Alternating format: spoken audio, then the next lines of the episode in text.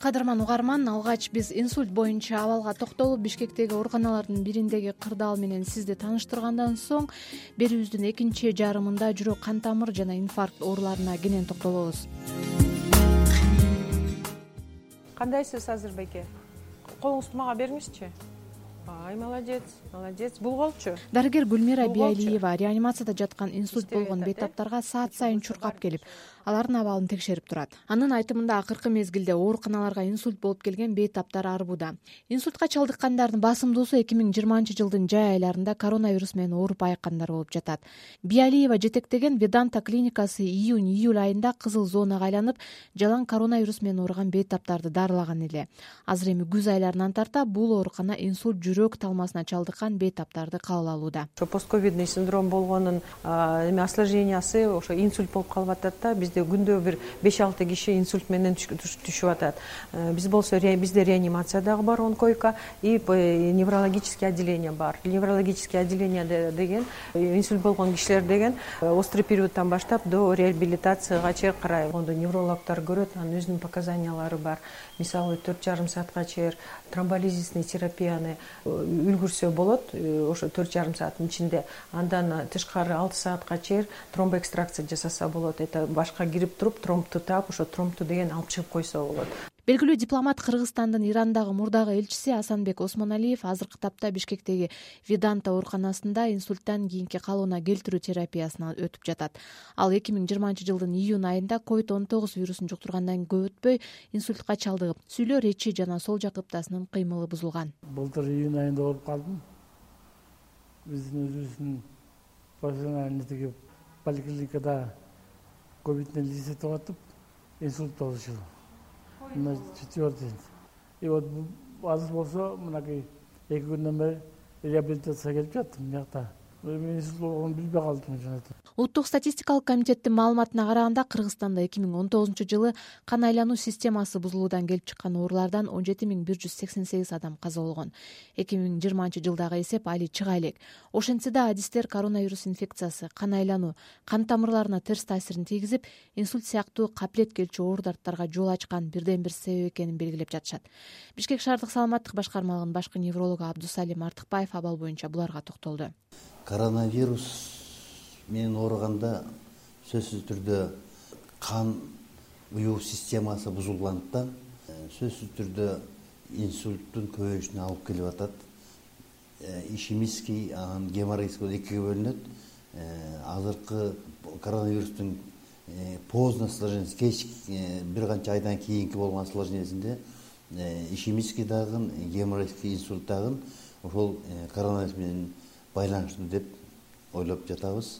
Бүт дүйнө жүзү боюнча инсульттун алгачкы белгилерин билүүчү э, тесттер бар. Аны англисче фаст тест деп коет. Ф деген сөз фейс лицо дегени арм рука спич деген сүйлөгөн эси и т деген таймс время значит э, ооруган кишилердин э, тиги лицосу бет жагын бир жагы кышайып калат. Сүйлөгөн тиги бир колу бир буту иштебей калат. Сүйлөө сөзү бузулат деген сөз да инсультту аныктоочу фаст тесттин кыргыз дарыгерлери соку деп которушкан. Бул сүйлөө ооз кол жана убакыт деп которулат. Инсульттун алгачкы төрт сааты бейтап үчүн өтө маанилүү. Төрт сааттын ичинде мээге уюган канды чыгаруучу дары дармек куюлуп керектүү медициналык иш чаралар жасалса бейтап толугу менен сакайып кетет. Инсультка себеп болгон факторлорду дарыгер артыкбаев мындайча санады. Кан басымын биринчиден кан басымын көрүп дарылап туруш керек. Экинчиден э, диетаны кармаш керек туура тамактануу болгондо тамактын тузу азыраак болуш керек. Кайсы чөлкөмдө кайсы мамлекетте тамак ашы тузу азыраак болсо ошол мамлекетте элдин жашоосу кан басымы ылдыйраак болот дагы жашоосу узак болот. Тузду көп колдонулган регион болобу мамлекет болобу ал жерде давление абдан высокий болот дагы инсульт инфаркт көп болот. Ал физикалык көнүгүүлөр жасаш керек басыш керек эс алыш керек. Э, жанды кыйнап абдан катуу э, эмгек кылган дагы бул только зыянга алып келет. Мындан тышкары психологиялык көйгөйлөрдөн улам инсульт оорусу өлкөдө улам жашырып акыркы мезгилде депрессия стресстен кийин инсульт болгондор жаштар арасында көп кездешүүдө деп кошумчалады дарыгер урматтуу каарман сергек жашоо түрмөгүн угуп жатасыз. Аны мен бактыгүл чыныбаева алып баруудамын эми коронавирустан кийинки жүрөк ооруларына токтолсок. ковид он тогуз бейтаптарындагы жүрөк саламаттыгына байланышкан проблемалардын узак мөөнөткө созулаарын кошмо штаттардын окумуштуулары аныктады. Нью йорк шаарындагы монт синай morning сайт ооруканасында коронавирустан айыккан жүз кырк сегиз бейтапты узак мөөнөткө байкоого алышып алардын жүрөк кан тамыр саламаттыгын томографияга тартып турушкан. жүз кырк сегиз бейтаптын ичинен үчтөн экисинин жүрөк саламаттыгы начарлап кан басымы бузулганы байкалган. Окумуштуулар вирустун жүрөккө тийгизген таасирин изилдөө дагы узак убакытты талап кылаарын айтышууда. Ош облусунун тургуну нурайым раушанбекованын атасы раушанбек сыргаев июль айында коронавирус жуктуруп ооруканага жаткан. Ал вирустан айыгаары менен эле жүрөк талмасы кармап каза болду. Нурайым атасынын диагнозу тууралуу буларга токтолду. Менин атам элүү сегиз жашта болчу. Июль айында коронавирус диагнозу коюлуп ош облустук оорукананын гепатология бөлүмүнө жаткырылат ооруканада бир жума жаткандан соң дарыгерлер атаңардын сатурациясы токсон сегизге көтөрүлүп калды. Буюрса бул жакшы көрсөткүч кычкылтек аппаратын чыгарабыз дешет. Бирок ошол эле күнү тилекке каршы атам медиктер өз термининде айтканда тромбоэмболия сердечных артерийден улам көз жумат. Мен ойлойм бир гана инфекционист дарыгердин көзөмөлдүгүндө болуп кардиолог дарыгери жок болгонуна байланыштуу атам инфаркттан улам каза болду деп ал эми элүү сегиз жаштагы самат көлбаев жыйырма алтынчы февралда инфаркт болду. Жүрөк талмасынын алгачкы белгилерин ал мындайча санап берди. Жыйырма алтысы күнү кечинде башталды. Жакшынакайда жүргөм? Бир убакта капысынан эле бир кабыргаларымды тырыштырып аябай ооруй баштады да. Кустурду анан кара тер басты. Кабыргаларым кысканда чыдай албай кыйналып аябай кысталып аттым да. Давлениям да түшүп кетти. Эртеси давлением наоборот кайра тескерисинче көтөрүлүп кетти. Ошол түнү такыр уктай албай койдум. Ары бери басып жүрдүм. Эртеси доктурга барып кардиограммага түшкөндө инфаркт деп айтышты да ооруканага жеткизишти анан өлкөнүн башкы кардиологу акбай сарыбаев эки миң жыйырманчы жылы мындан мурдагы эки миң он тогузунчу жылга салыштырмалуу жүрөк оорулары нөл бүтүн ондон алты процентке өскөнүн кабарлады. Азыркы тапта бишкектеги кардиологиялык ооруканаларда орун жетишпейт.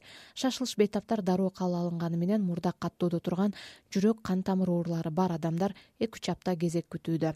Вирус менен ооруп айыккандардын жүрөк кан тамыр саламаттыгын текшерүү үчүн атайын диспансердик каттоо иши зарыл дейт сарыбаев. Коронавирус менен ооругандан кийин изилдөөлөр көрсөтүп атат текшерилгенден кийин бүткөндөн кийин оору чыккандан кийин.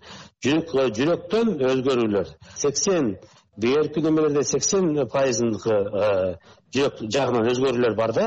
Кээкилер бүт жүз жүз пайыз деп беришип атат да. Ошондуктан азыр бул ооруду коронавирусту ооруп чыккандардын баардыгын абдан тактап изилдеп аларды диспансерный учетко анан кийин диспансердик кароого коюш керек да медицинага кароого коюш керек да. Ушул жактан кичине аксап атабыз бирок э, жумуштар бул багытта жүрүп атат азыр коронавирустун жүрөккө тийгизген таасири андан келип чыккан кардиологиялык оорулар жана белгилери тууралуу белгилүү кардиохирург дамир осмонов төмөндөгүдөй түшүндүрмө берди. Бул биринчиден коронавирус ап эки деген э, фермент менен организмге киргендиги үчүн бул фермент э, жүрөктө аябай көп болот. Ошон үчүн жүрөктүн мышцаларына зыян бериши мүмкүн. Бул миокардит деп коет миокардит болгон учурда жүрөктүн булчуңдары э, слабый болот. Дагы сердечная недостаточность болушу мүмкүн. Сердечная недостаточностьтун эң негизги симптомдору бул э, кемпигүү то есть абаны э, алганда кыйналуу дем алуусу оорлошуу ошондой эле миокардитке байланыштуу жүрөк бат согушу мүмкүн башкача согушу мүмкүн аз согушу мүмкүн.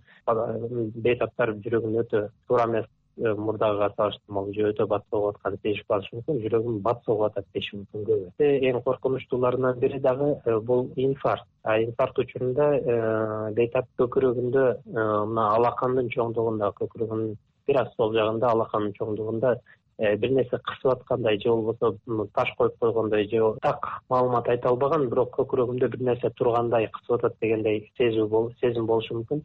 Ошону менен эле бирге ошол оору Э, сол колуна жаакка жайылышы мүмкүн. Муздак тер чыгып коркуу сезими пайда болушу мүмкүн.